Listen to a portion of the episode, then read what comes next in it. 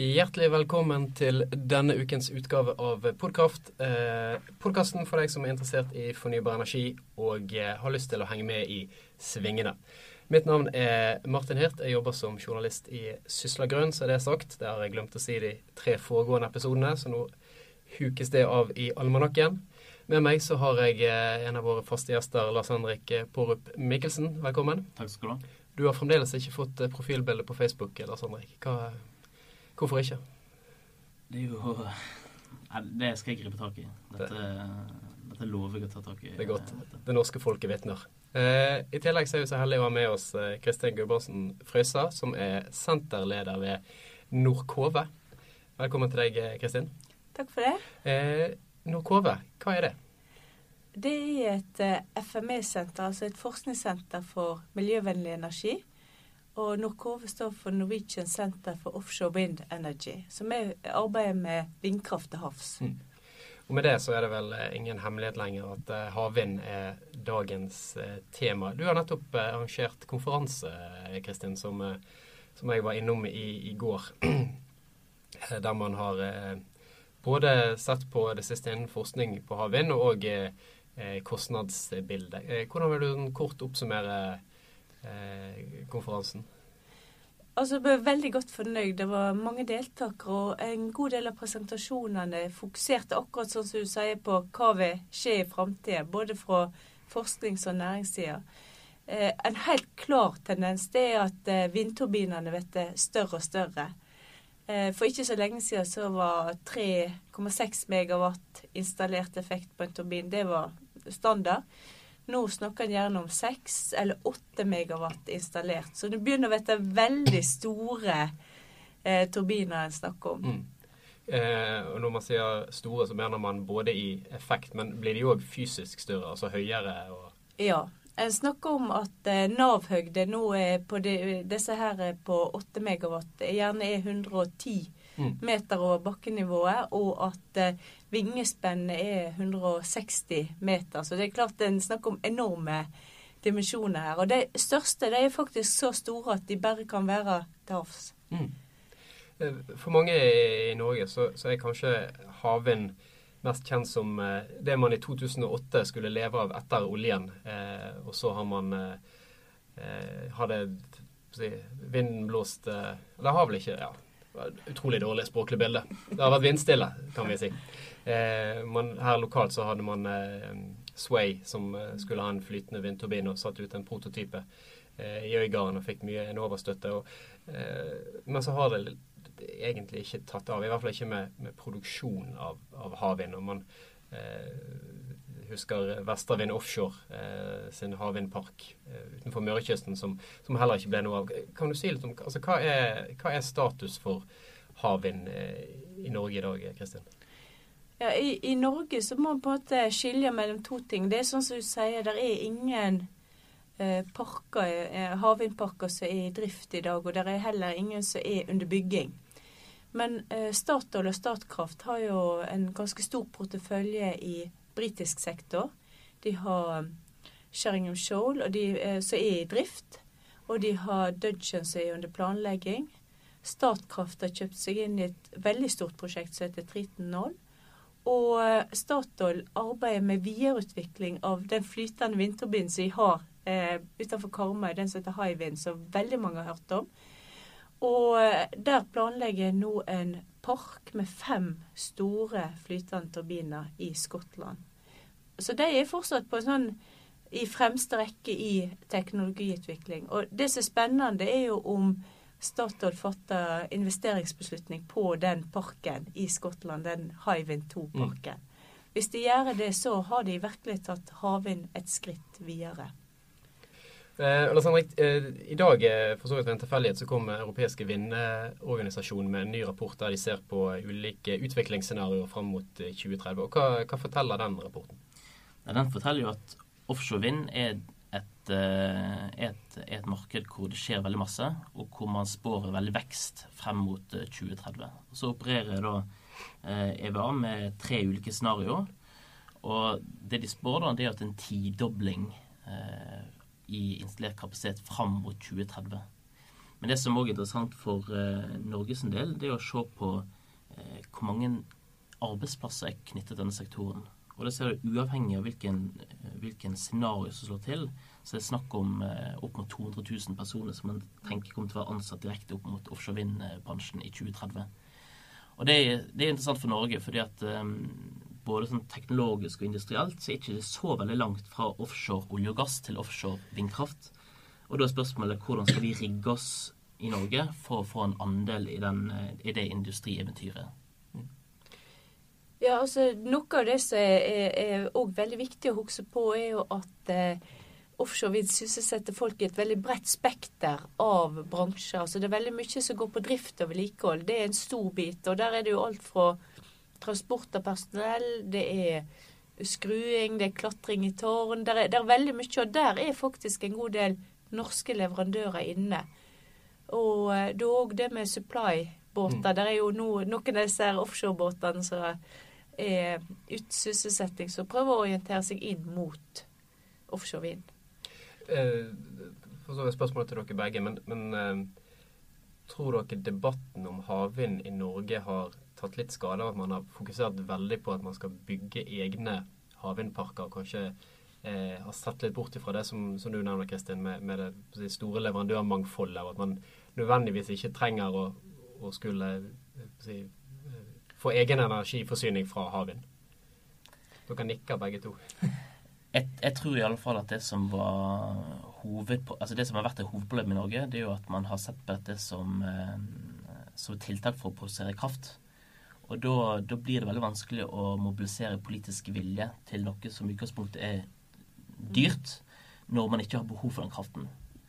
Eh, mens i andre land så, jo, så, er det jo behov for å erstatte gammel kraft med, med ny, ren kraft. Og da, er det klart en helt annen politisk vilje.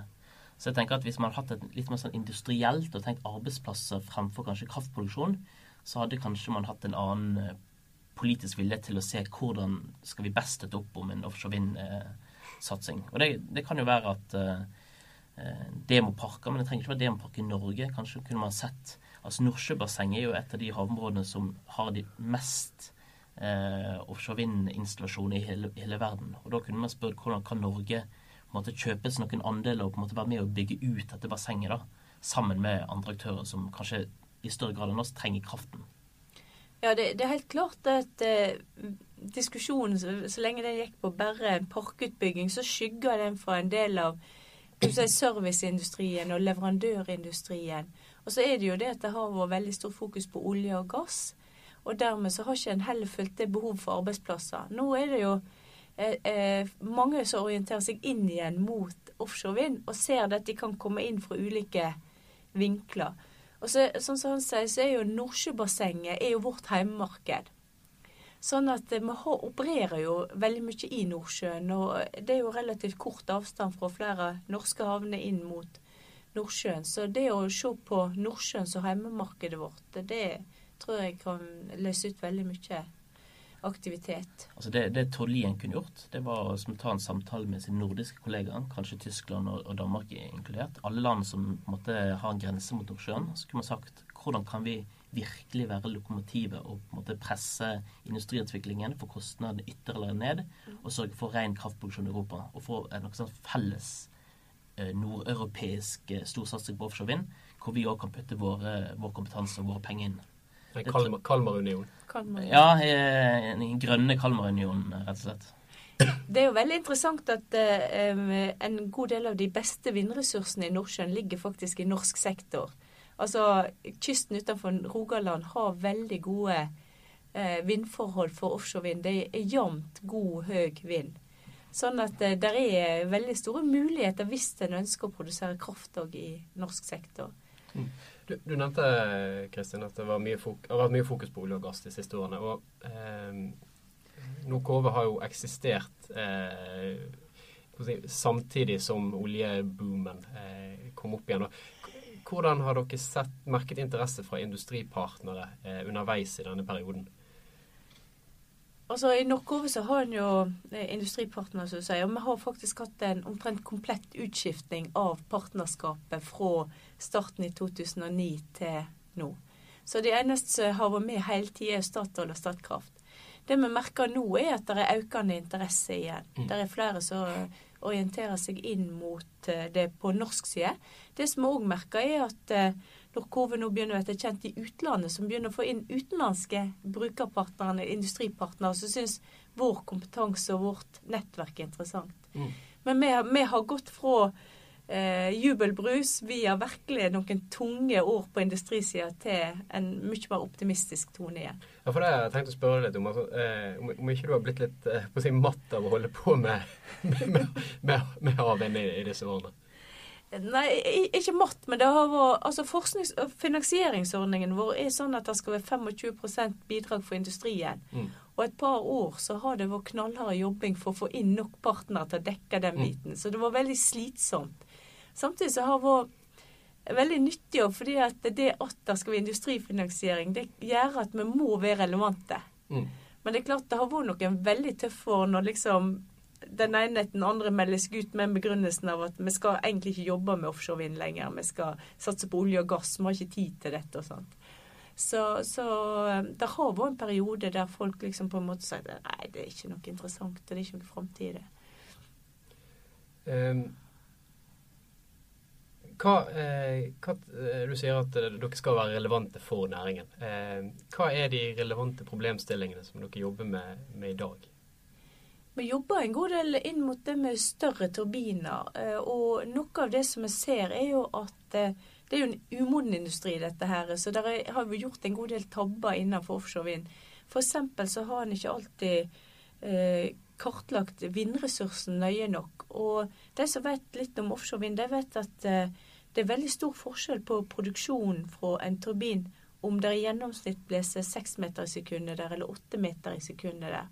For vanlige folk så er ikke én meter i sekundet i forskjell på sånn gjennomsnittsvind. Det har ingen praktisk betydning.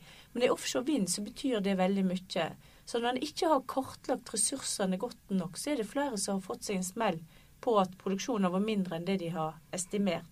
Så vi har veldig mye fokus på det å kartlegge vindressursen godt nok, og kartlegge hvordan vindprofilen er. fordi at eh, når du får så store turbiner som en legger opp til nå, så vil de oppleve veldig forskjellig vind når de eh, sveiper rundt eh, en runde. Og det betyr òg at eh, belastningen på turbinen blir ulik, og dermed så må en ha bedre beregninger på eh, last og levetid.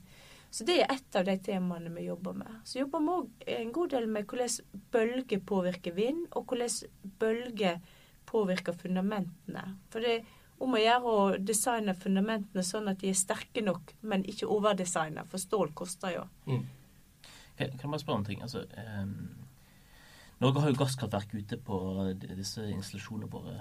Eh, har det vært noen sånn dialog? Altså, kunne man tenke seg at man kunne fått noen sånn testparker som hadde forsynt disse eh, oljeplattformene med ren kraft, og så samtidig kunne man utvikle ny offshore vindteknologi? Er er det noe dialog mellom dere og næringen på det? Ja, det burde iallfall være det. Eh, altså, DNVGL har et prosjekt der de har tenkt å bruke eh, vindturbiner til eh, injeksjonsstøtte i eh, oljebrønner. Altså de vil bruke turbinene til å drive injeksjon av vann i oljebrønner. Eh, Det er veldig interessant at du spør om akkurat det. fordi at eh, de første sånn drodletegningene eh, for Hywind-turbinen tilbake tidlig på 2000-tallet i Norsk Hydro, der var en av ideene akkurat det du sier med å sette opp vindturbiner nær olje- og gassinstallasjoner. Jeg tenker at Hvis du skal, hvis du på en måte skulle bygd noe vind, altså offshore vind i, i, i Norge, da, så måtte det vært Du måtte hatt en sånn tilleggsdimensjon. da. Og Det kunne jo vært at du hadde klart å skrote kraftverkene som står ute i dag, og så samtidig utvikle teknologi.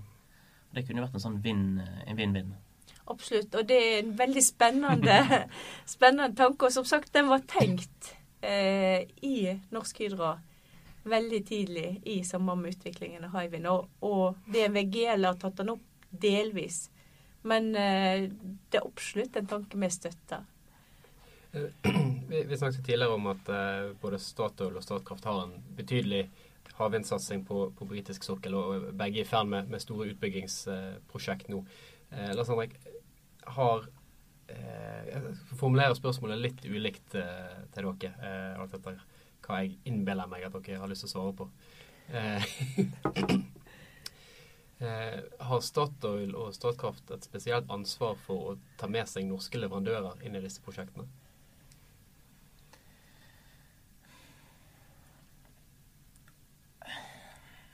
Nei Altså eh, På en måte så, så, så, tenker jeg jo ja, men samtidig så tenker jeg jo òg at uh, de, de, kan Altså de må jo velge på en måte der de miljøene som kan konkurrere besteklassen. Og det tror jeg òg gagner det norske leverandører òg. At det skal ikke være på en måte nasjonalitet som avgjør uh, om du vinner. Så jeg svarer egentlig nei. Det må være de beste, de som kan levere det som kan utvikle teknologien videre, gjøre det billigst mulig. Det er de som må vinne fram.